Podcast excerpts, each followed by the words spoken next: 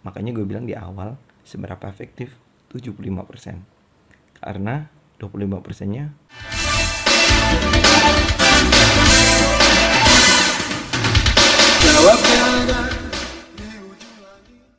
Hai, Assalamualaikum warahmatullahi wabarakatuh. Hai everything, apa kabar? Ah, ini kita udah masuk ke season kedua ya Karena gue bakal ngejalanin ini podcast eh, Tanpa teman-teman gue yang lain Karena ya hmm, Sibuk masing-masing. Gue juga sibuk jadi nggak ada kesempatan buat ketemu mereka pas jadwalnya sosok cocok beh, cocok sama narasumbernya. Mereka mungkin banyak yang nggak cocok gitu. Jadi uh, gue langsung aja kali ya penjelasannya udah ada di yang kemarin. Gue sekarang bareng temen gue satu temen yang gue bisa anggap dia emang beneran pinter sih. Gue gue gimana ya? Gue applause ya. Gue applause standing applause apa gimana bin? Uh, nah nah jadi uh, gue bareng temen gue yang gue kenal lama banget. Nggak lama banget gak sih? Kita kenal nggak ya? Nggak terlalu lama ya? ya anggap aja lama ya oke. Eh, daripada gue banyak ngomong mending temen gue langsung aja sih yang yang apa namanya? Yang kenalan aja bin nih bin. Kenalan bin halo teman-teman semuanya. Udah suaranya enak banget. Apa kabar nih semuanya? Buat kalian semua yang ada di mana aja dengan siapa aja yang lagi ngelakuin apa aja Uh, semoga baik-baik aja. Semoga kalian semua sehat dan dilimpahi segala karunia yang dari maha kuasa. Sama mbak duh nggak apa-apa dong kalau doain orang yang baik-baik kan. Amin. Emang harus dilakuin kan? Iya gue nggak pernah den gue nggak pernah doain listener listener gue berarti gue jahat kali ya. Mm, ya ya lu ngaku kan bagus. Ya langsung aja kenalan singkat nama gue bintang ya ke temen temennya dari temen gue. Temennya dari temen gue maksudnya? Ya gue eh, seorang pekerja dan orang yang cukup eh, pemikir dan punya rute- rutinitas yang cukup cukup membosankan hmm? and here I am Mm-mm.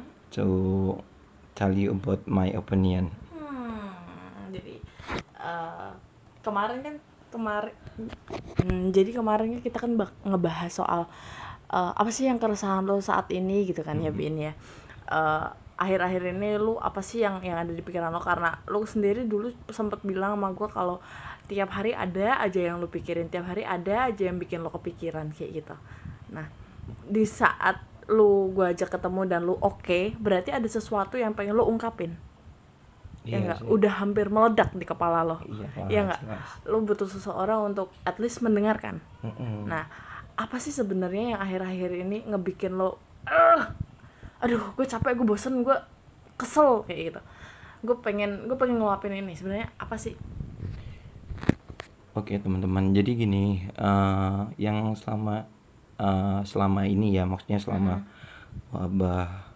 kora- corona ini jadi keresahan gue nih. Hmm, Yang pertama adalah bagaimana kita menyikapi social distancing. Mm-mm. Kebanyakan kita Mm-mm. menilai social distancing itu sebagai hukuman. Iya, betul. gue gue boleh ketawa dulu gak sih Iya. Terus? Sebagian banyak dari kita adalah menganggap social distancing ini adalah hukuman. Hmm, Kita punya berbagai alasan untuk mengatakan social distancing ini adalah hukuman. mm-mm. Padahal kalau kita boleh menilik artinya dari bahasa Inggris social distancing Mm-mm. Yang di mana ada dari dua kata dasar sosial Mm-mm. dan distance. Mm-mm. yang artinya kalian pasti udah tahu kan? Mm-mm. distance itu jarak. Mm-mm. sosial itu udah sosial. Iya sosial. Sosial masyarakat jadi kita dengan distance dikasih ing kan berarti kerja. Berarti kita melakukan Mm-mm. jaga jarak dengan sosial kita. Tapi memang nggak dijelasin mungkin sosial yang seperti apa nggak mungkin dong kita menjauhi diri kita dari keluarga kita yang satu rumah. Betul. Nah yang dimaksud di sini kan adalah interaksi dengan orang di luar keluarga kita gitu. Orang-orang yang benar-benar tidak punya rutinitas yang sama Mm-mm. satu hari penuh dengan kita. Itu yang harus lakuin Mm-mm. kenapa social distancing ini menjadi hukuman buat kita? Karena kita merasa kita bisa melakukan semuanya kita mampu melakukan semuanya tapi karena ada pembatasan ini kita jadi tidak bisa apa-apa. I see. Mm-mm. terus? Hmm, jadi yang kita biasa main kita Mm-mm. biasa nongkrong. nongkrong kita biasa pergi keluar makan. Cipaka cipiki. Eh, eh, kita jadi merasa nggak bisa melakukan semuanya. Mm.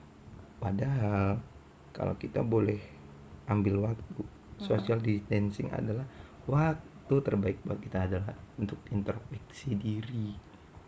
Introspeksi diri dalam hal? Semua yang kita lakukan selama ini rutinitas kita perlu kita evaluasi. Mm. misalnya dari social distancing kita belajar untuk eh, mempunyai adab adab yang baik dan benar. Misal?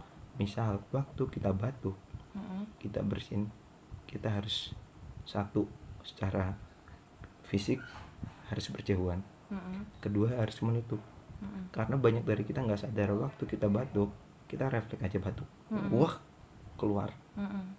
nggak nggak nyadar kalau semisal itu liurnya nyiprat ke Nyip- orang ya virusnya nyiprat gimana ke apa ekspresi kita apa suara kita mengeluarkan bunyi yang mengganggu atau enggak itu kita nggak sadar tapi Mm. dengan adanya social distancing ada himbauan-himbauan untuk memperbaiki diri secara apa ya physical distancing juga. Hmm? itu kita bisa introspeksi oh ya selama ini waktu kita bersin atau kita batuk kita tuh nggak nutup. Dan itu sebenarnya penting. penting buat beberapa orang juga mengganggu. Mm-mm. tuh satu. Kedua hmm, introspeksi macam apa? Misalnya kita di rumah Hmm. kita kena social distancing Hmm. dengan social distancing kita akan punya waktu banyak di rumah Mm-mm. pasti kayak kita yang kita yang gini kan bosen kan ya Mm-mm, mm-mm. bosen banget ngapain apalagi untuk ekstrovert macamku ya Mm-mm. tapi yang kita nggak sadari kita terlalu banyak mengejar dunia luar tanpa kita mau mencoba mengeksplor diri kita Hmm. maksudnya gini kalau kamu udah gabut di rumah mau ngapain? Ini waktunya kamu bener-bener yang udah kab- gabut banget. Mm-mm. nggak tahu mau ngapain. Kamu berpikir untuk melakukan apa apa apa yang nggak bikin kamu bosen. Dan kalau bisa itu bermanfaat. Hmm. kalau kamu cewek misalnya kamu nggak pernah di rumah. Akhirnya kamu di rumah. Akhirnya kamu gabut. Mm-mm. pasti belajar masak. Belajar masak. Bersih bersih yang benar bersih kayak bersih gimana. atau kamu menjahit atau gimana kamu bisa melakukan itu Mm. atau kamu punya hobi-hobi yang ya umum gitu ya maksudnya yang standar-standar kamu suka baca Mm-mm. kamu suka gambar Mm-mm. kamu suka edit-edit kamu lakuin itu Hmm. Jadi sebenarnya ini bukan huk jadi sebenarnya ini bukan hukuman ya. Ini lebih ke kayak eh, gimana cara kita untuk setuju nggak sih kalau ini cara kita untuk kayak istirahat sejenak dari segala bentuk rutinitas. Mm-mm. apalagi yang Terus kayak tanya, kayak keluar mm-mm, keluar selama ini kita tuh melakukannya untuk keluar selalu untuk keluar coba kamu mikir nggak pernah untuk diri sendiri. Oh, jadi diri saya. sema jadi gini, biasanya kan kita keluar main kayak tanpa tanpa alasan aja ya. Udah main aja pengen aja ke teman-teman. Tanpa disadari kita banyak buang waktu untuk eh kayak ngegali diri kita. Sebenarnya apa sih yang mau yang yang dipengen dari diri kita tuh apa sih? Bakat kita tuh apa sih? Kayak gitu. Jadi sebenarnya social distancing itu juga salah satu waktu untuk ngegali bakat kita sendiri. Betul. Ngegali bakat. Mm-mm. apa? Membangun komunikasi dengan orang-orang di rumah kita. Mm. ya kan? Kapan lagi kita bisa misalnya uh, kumpul bapak ibu Mm-mm. anak posisi lengkap nonton bareng di ruang Iya, tamu benar.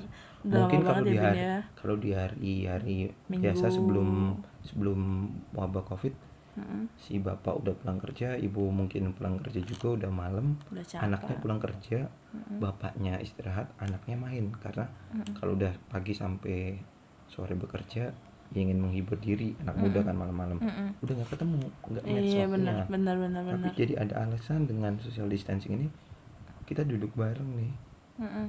jadi bak banyak cerita yang bakal kita tuker ke Mm-mm. orang tua kita orang tua ke anak Mm-mm. dan ini akan membangun kedekatan yang benar-benar selama ini mungkin hilang karena rutinitas rutinitas kita keluar Hmm. kita lupa yang ke dalam itu udah tersisih terlalu banyak, banyak, banget banyak Mm-mm. banget terlalu banyak outside sampai inside-nya kita lupa ya. Mm-mm. Oh. Oke. Eh, udah berapa lama sih lu social distancing? udah kira-kira tiga bulan kayaknya Tiga bulan. Tapi lu masih melakukan rutinitas lo, I do kayak biasa. enggak dong maksudnya untuk rutinitasnya masih sama Cuman, cuman cara melakukan rutinitasnya berbeda maksudnya apa yang apa yang membedakan? ya yang membedakan yaitu setiap melakukan sesuatu kita harus mempertimbangkan apa yang kita lakukan gitu kayak ma- Mm-mm. pakai masker uh, hand sanitizer Mm-mm. terus menjaga jarak Mm-mm. terus pokoknya benar-benar memperhatikan lah memperhatikan yang benar-benar apa yang sekiranya bisa menolong kita dari tertular itu Hmm. ya rutinitasnya sebenarnya masih sama sih Mm-mm. kalau itu nggak bisa kita hindari kan Mm-mm. Hmm.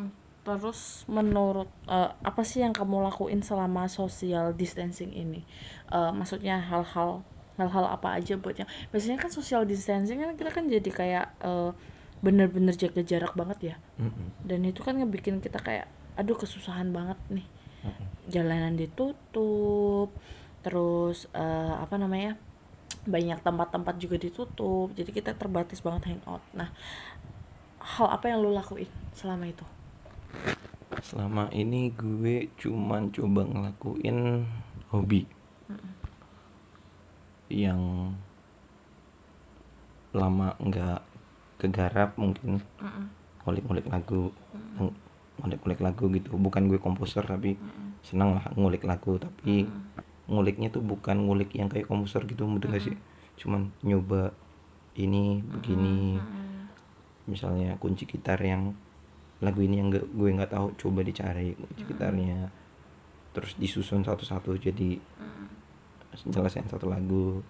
Terus juga membaca membaca baca buku. Mm-mm. udah sih paling itu aja.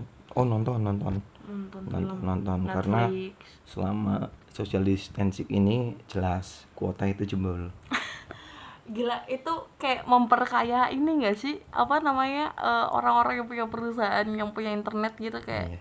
Telkomsel, Try, Exis, Indesit kayak gitu. Itu memperkaya banget gak sih? iya. Kayak, semua ada rezekinya masing-masing. Di tengah wabah mereka yang untung. Di sisi lain mungkin mereka juga rugi. gue gue rugi gue rugi parah anjir. Terus gue masih kayak gini nih. Eh, kan gimana sih menurut lo soal orang yang enggak mengikutin arahan social distancing nih? Karena kan lo kan melakukan nih lo melakukan social distancing nih ya kan Eh, tapi banyak orang yang tidak melakukan arahan social di- distancing gitu. Menurut lo gimana? Dengan keefektifannya? Jelas social distancing adalah jalan terbaik atau tindakan yang paling baik yang kita lakukan untuk memutus rantai penyebaran wabah COVID-19. Mm-mm. Tanggapan gue buat orang-orang yang nggak ngikutin aturan ini, gue cuma bilang kalian egois. Sumpah demi apa pun kalian egois. Mungkin mungkin bukan kalian yang kena, Mm-mm. bisa jadi dari kalian jadi kena. Oh jadi carrier ya pak ya? Hmm, carrier. Oke lu fun. Oke lu fun ya, lu bisa fun. Tapi lu mikir nggak kalau orang-orang di sekitar lu juga bisa jadi korban.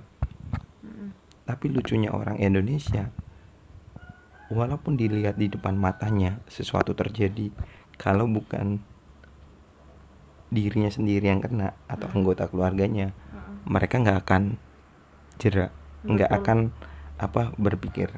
Mm-mm. Oke, berarti eh, untuk keefektifannya nih, menurut lo efektif banget gak sih social distancing tuh untuk memutus rantai COVID? Even itu kita ke mana-mana dan masih social distancing, kayak gitu. efektifnya berapa persen menurut lo? Kalau menurut gue efektif valid 75% social distancing ini valid 75% sisanya 25% adalah karena bagaimana kita ngaplikasiin social distancing ini kita belum nemuin formula yang benar-benar tepat. Karena pun kita sudah melakukan orang di sekitar kita bisa nggak melakukan dan kita jadi korban. Hmm, ngerti nggak? Eh, kayak misalnya lu kerja lu satu meja lu tukeran ballpoint. Nah itu kan nggak sadar kan?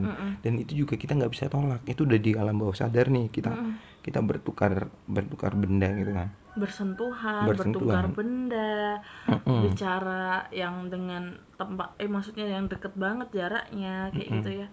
Hmm, I see.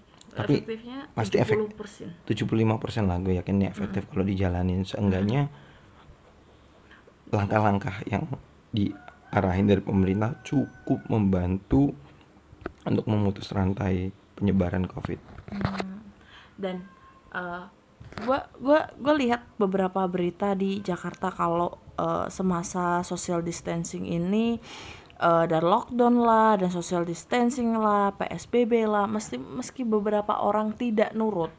Tapi itu untuk beberapa orang-orang yang nurut tuh kayak lumayan mengurangi gitu loh, Bin. Mengurangi ininya, apa namanya? eh penyebarannya. Paham nggak?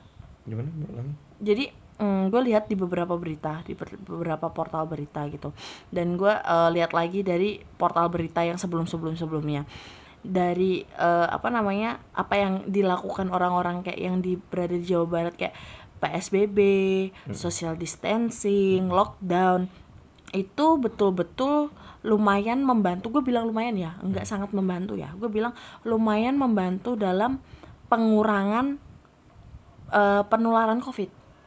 COVID-19 ini.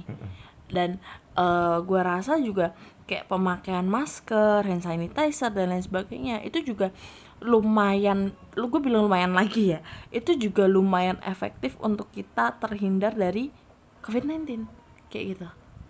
Paham nggak dan eh, tapi gue masih sangat amat sedih sih sebenarnya karena ada beberapa orang yang sebenarnya gue juga termasuk ngeyel sih. Tapi gue masih tetap yang kayak pakai hand sanitizer masih pakai yang masker kayak gitu. Tapi kebosanan ini kan kayak kayak nggak bisa di ini ya lo tiga bulan melakukan social distancing selama itu. Dengan pekerjaan lo yang masih ada kan lo tetap kerja lo tetap berkegiatan Eh, sebelum dan semasa covid ini kan juga perubahannya kan nggak terlalu banyak kan. Nah gue sendiri yang perubahannya terlalu banyak karena gue tiap hari ketemu orang. Sedangkan sekarang ketika covid gue nggak banyak ketemu orang. Bahkan nggak ketemu orang sama sekali pernah selama satu minggu berturut-turut nih. Tapi kan lu kan masih kayak eh, kegiatan lu kan masih yang kayak hampir sama aja. Cuman sedikit berbeda. Nah apa yang ngebuat lu bosen sih sebenarnya? Bosennya dari mana gitu kebosanan itu muncul dari eh, tidak bersentuhannya kita dengan eh, ruang sosial kita sih jelas. Oh gue pikir persentuhan ada gaya lain. Enggak dong kalau kalau itu kalau itu iya iya. Tapi tapi yang paling paling terasa adalah apa ya kedekatan kita yang tidak bersentuhan dengan sosial lingkungan sosial kita itu yang bi- bikin kita bosen. Karena ruang sosial kita ya itu tempat tempat kita. Maksudnya kita mendem kita ketawa kita marah ya di, di lingkungan sosial kita. Nah dengan adanya pembatasan ini Mm-mm. ya itu jadi nggak bisa kita lakuin ya. lakuin serta merta. Nggak, lu eh, lu kepikiran gak sih ketika pandemik ini ternyata tidak akan pernah berakhir?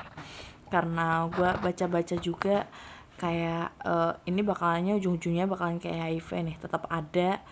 Cuman eh, lebih kayak eh, ngurangin ininya aja intensitasnya aja dan penularannya aja gitu. Eh, sorry kalau gue ngomongnya berantakan nih ya yang tadi soal HIV dan lain sebagainya kayak gitu. Cuman gue yakin lu paham maksud gue bin. Lu pinter eh cerdas sih lebih tepatnya. Nah eh nanti gue gue gue deng- pernah denger istilah ini. New new tanda kutip new. Newnya gue kasih tanda kutip ya. Normal life. Newnya adalah dengan kita selalu pakai masker ke mana-mana. Terus kita selalu sangat amat jaga jarak dengan orang. Tapi mer- mereka semua sudah normal kayak gitu akankah ini terjadi bin menurut lo bin? Kalau gue nggak bisa ngomong secara biologi secara keilmuan pasti atau secara teori yang yang bisa terbuktikan. Karena di luar juga berbagai macam teori dan opini entah itu apa valid atau tidak valid banyak banget gue dengerin. Dari yang kayak yang lo sampein tadi kan. Kayak bakal jadi lagi, new normal life? Apa bakal jadi uh, penyakit yang bakal terus ada gitu ya wabah yang terus ada? Terlepas dari semua itu semua gue masih yakin bahwa kita masih punya jalan keluar. Hmm. cuman? Semua ini bisa berlalu kalau kita bisa menyamakan persepsi untuk uh, menahan diri menahan diri deh sampai benar-benar uh, mata rantai penyebaran ini berhenti. Terus eh, iya gue tahu gue juga secara nalar pesimis. Itu secara nalar. Tapi gue secara kepercayaan gue ya maksudnya bukan religi apa yang gue yakin dalam diri gue hal ini pasti ada jalan keluarnya. Pasti akan bisa menjadi lebih baik entah besok ketemu solusinya oh secara obat entah itu solusinya secara sistem sistem yang terorganisir pokoknya pasti akan selesai. Pasti akan reda. Eh bin gue mau cerita sedikit nih. Eh, social distancing ini menurut gue sangat amat berat. Apalagi dengan gue yang punya eh, relationship yang agak rumit karena dia berada di luar kota gitu. Dan ini amat sangat mempengaruhi karena udah ada PSBB keluar harus ada surat tugas terakhir surat tugas dipalsukan sampai bandara penuh. In, eh, jujur aja ini sangat amat mempengaruhi sex life gua gitu. Paham nggak sih? Apakah eh, sisi positifnya adalah banyak orang juga yang ter apa ya namanya ya terbatasi sex life-nya hingga mungkin penyebaran penyakit-penyakit penyakit-penyakit seksual menurun drastis. Tapi setnya untuk orang-orang yang eh, seksnya aman kayak gue, semisal pakai kondom dan lain sebagainya kayak gitu, eh, bener-bener terganggu gitu bin. Tau gak sih? What do you think about that? What I have supposed to do? ya itu yang gue bilang ini soal kita menahan diri. Mana yang mau kita korbanin? Diri kita. Yang hasilnya menurut gue sementara. Atau masyarakat. Yang nanti akan permanen menjadi lingkungan kita. Gue juga nggak bisa ambil persepsi kalau ini keganggu. Ini nggak keganggu. Serius gue keganggu. Tapi gue juga harus bersyukur karena hidup gue dengan ada ini banyak yang gue lakuin perubahan-perubahan dari cara hidup berperilaku. Ada new normal life buat gue yang oh iya ya kalau gue lakuin ini ternyata bagus. Itu tinggal kita memilih menahan diri atau mengorbankan. Siapa yang kita korbankan? Diri kita atau orang di luar sana?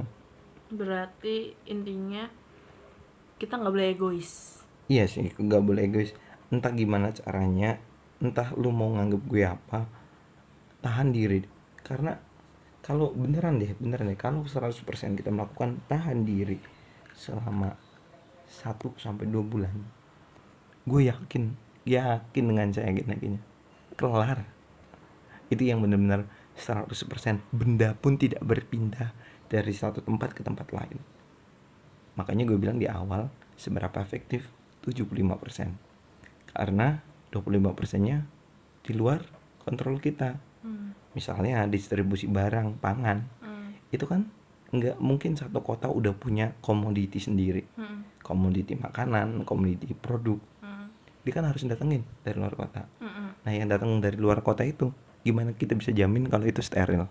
Itu bersih sekalipun mungkin dilakuin pembersihan bla bla bla. Ternyata tangannya orang yang megang yang waktu angkat-angkat. Kena kumannya kena bakterinya kena Mm-mm, virusnya kayak mm-mm. gitu. Gue bahkan eh, lihat bin da jadi kemarin itu gue sempat ke tempat teman gue untuk ngambil beberapa eh, beberapa barang itu di daerah Meranggen. Tahu Meranggen kan? Itu dari Meranggen mau masuk ke Semarang di daerah Penggaran itu di dekat terminal itu ada penyemprotan desinfektan gitu. Dan pengecekan apakah mereka pakai masker apakah mereka melakukan social distancing dengan benar kayak gitu.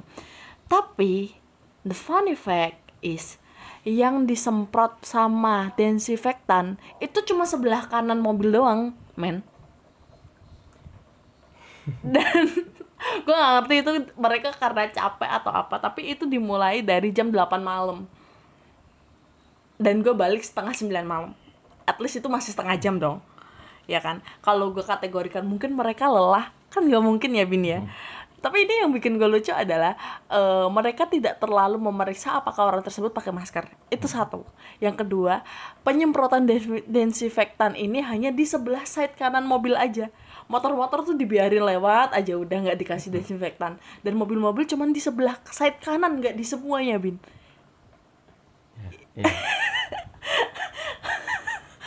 You think? Nah, menurut gue gini, karena ini adalah wabah masif ya. Artinya masif kan bukan 1 2 3 4 5 6. Ini semua datang secara beberapa apa? beruntun, bebarengan dan jumlahnya banyak. Sedangkan petugas-petugas kita adalah orang-orang eh, dengan keterbatasan. Misalnya dari 100 orang yang lewat, petugasnya cuma ada lima. Inilah yang dinamakan kebijakan. Namanya kebijakan bersifat bijak kalau kita menganggapnya tepat. Menjadi tidak bijak kalau kita menganggap tidak tepat. Ya kan? Ya, kita akuilah pemerintah kita sudah melakukan yang terbaik lah kita kasih apresiasi lah sama pemerintah kita karena karena udah mencoba melakukan yang terbaik terlepas dari stigma stigma yang katanya pemerintah kita jor-joran pemerintah kita telat. Tapi eh, pemerintah kita udah mencoba melakukan bekerja sama dengan banyak instansi terkait dengan institusi terkait untuk melakukan gerakan melawan corona. Di mana ya memang pasti masih banyak kekurangan nah makanya yang dinamakan kebijakan ayolah kita tanggapi secara bijak agar itu benar jadi bunyinya kebijakan Hmm, I see. Oke. Nah, gue pernah denger di salah satu podcastnya Deddy Komputer. eh beliau bilang kalau lama-lama nih orang-orang bakalan don't care gitu. Bahkan nggak peduli karena mereka tuh yang kayak udah yang kayak terlalu jenuh, terlalu capek, gue butuh duit, gue butuh pekerjaan, gue butuh bersosial dan lain sebagainya. Kayak gitu. Lama-lama orang-orang pada mulai don't care. Dan gue melihat itu di orang-orang Semarang sekarang. Gue keluar tadi untuk membeli beberapa stuff kayak barang dan lain sebagainya dengan teman gue dan gue lihat tuh bener-bener padet bin. Kayak kayak hari biasa tau gak sih? Meski beberapa jalan ditutup kayak simpang lima ditutup dan lain sebagainya kayak gitu itu tidak mempengaruhi mereka untuk beraktivitas seperti biasa gitu. Menurut lo gimana? Apakah benar bin menurut lo kalau semisal eh, lama-lama orang-orang di Indonesia bakalan kayak yang ya udah lo don't care lah mau corona kayak koroni kayak siapa kayak konoha kayak gue nggak peduli gitu. Gue gue butuh makan gue butuh keluar gue butuh cari duit gitu. What do you think about Eh, boleh. Boleh orang merasa jenuh kayak gue juga jenuh gue juga jenuh gue bosen gue bener-bener ngerasa terpenjara dengan semua ini. Pesan gue sih cuman yaudahlah hati-hati aja. Maksudnya keep safe gitu ya keep safe kayak lah. jaga masker jaga diri lu jarak, baik-baik. Pakai masker kalau lu punya banyak apa tuh yang buat tangan? Hand sanitizer. Ya hand sanitizer sama sarung-sarung tangan yang buatnya. Pokoknya lu lakuin lu siapin semua yang sekiranya mendukung lo buat menahan segala eh, kemungkinan kemungkinan untuk lo tertular terpapar. terpapar wabah COVID-19. tapi jangan pakai APD ya gue masih sangat amat goblok dengan orang-orang yang eh, belanja ke mana namanya ke ke ini iya gue tahu mereka sangat takut mereka sangat amat kayak resah gitu dengan covid tapi dengan mereka menggunakan APD itu menurut gue gobloknya tuh sampai ubun-ubun gitu loh bin. Kayak gue kayak mereka tuh gobloknya nggak bisa ditolong gitu loh. Ya nggak sih? Iya kalian boleh melindungi diri cuman jangan sampai yang menggunakan alat-alat yang terlalu medis banget karena karena bagian medis sendiri sangat amat perlu gitu. Kalau lu borong barang-barang APD kayak gitu terus orang medis pakai apa? Gitu. Ya, itu karena goblok goblok gratis. oh, iya. Enggak, enggak, enggak, enggak bercanda. Enggak, jangan jangan lu salahin orang dengan pemahaman pemahaman seperti itu. Bisa jadi dia memang tidak tahu yang dia lakuin Adalah salah. salah Kalau memang masih bisa diingetin, ingetin. Kalau bisa dinasehatin, nasehatin. Tapi kalau nggak bisa, ya udah, itu udah jalan kegoblokannya dia jalan ninjanya dia. jangan jangan lu ini. Oke, the last one. Karena eh, ini terakhir ya Bid ya. Sebenarnya dari semua hal distancing ini, apa yang paling bikin lo resah?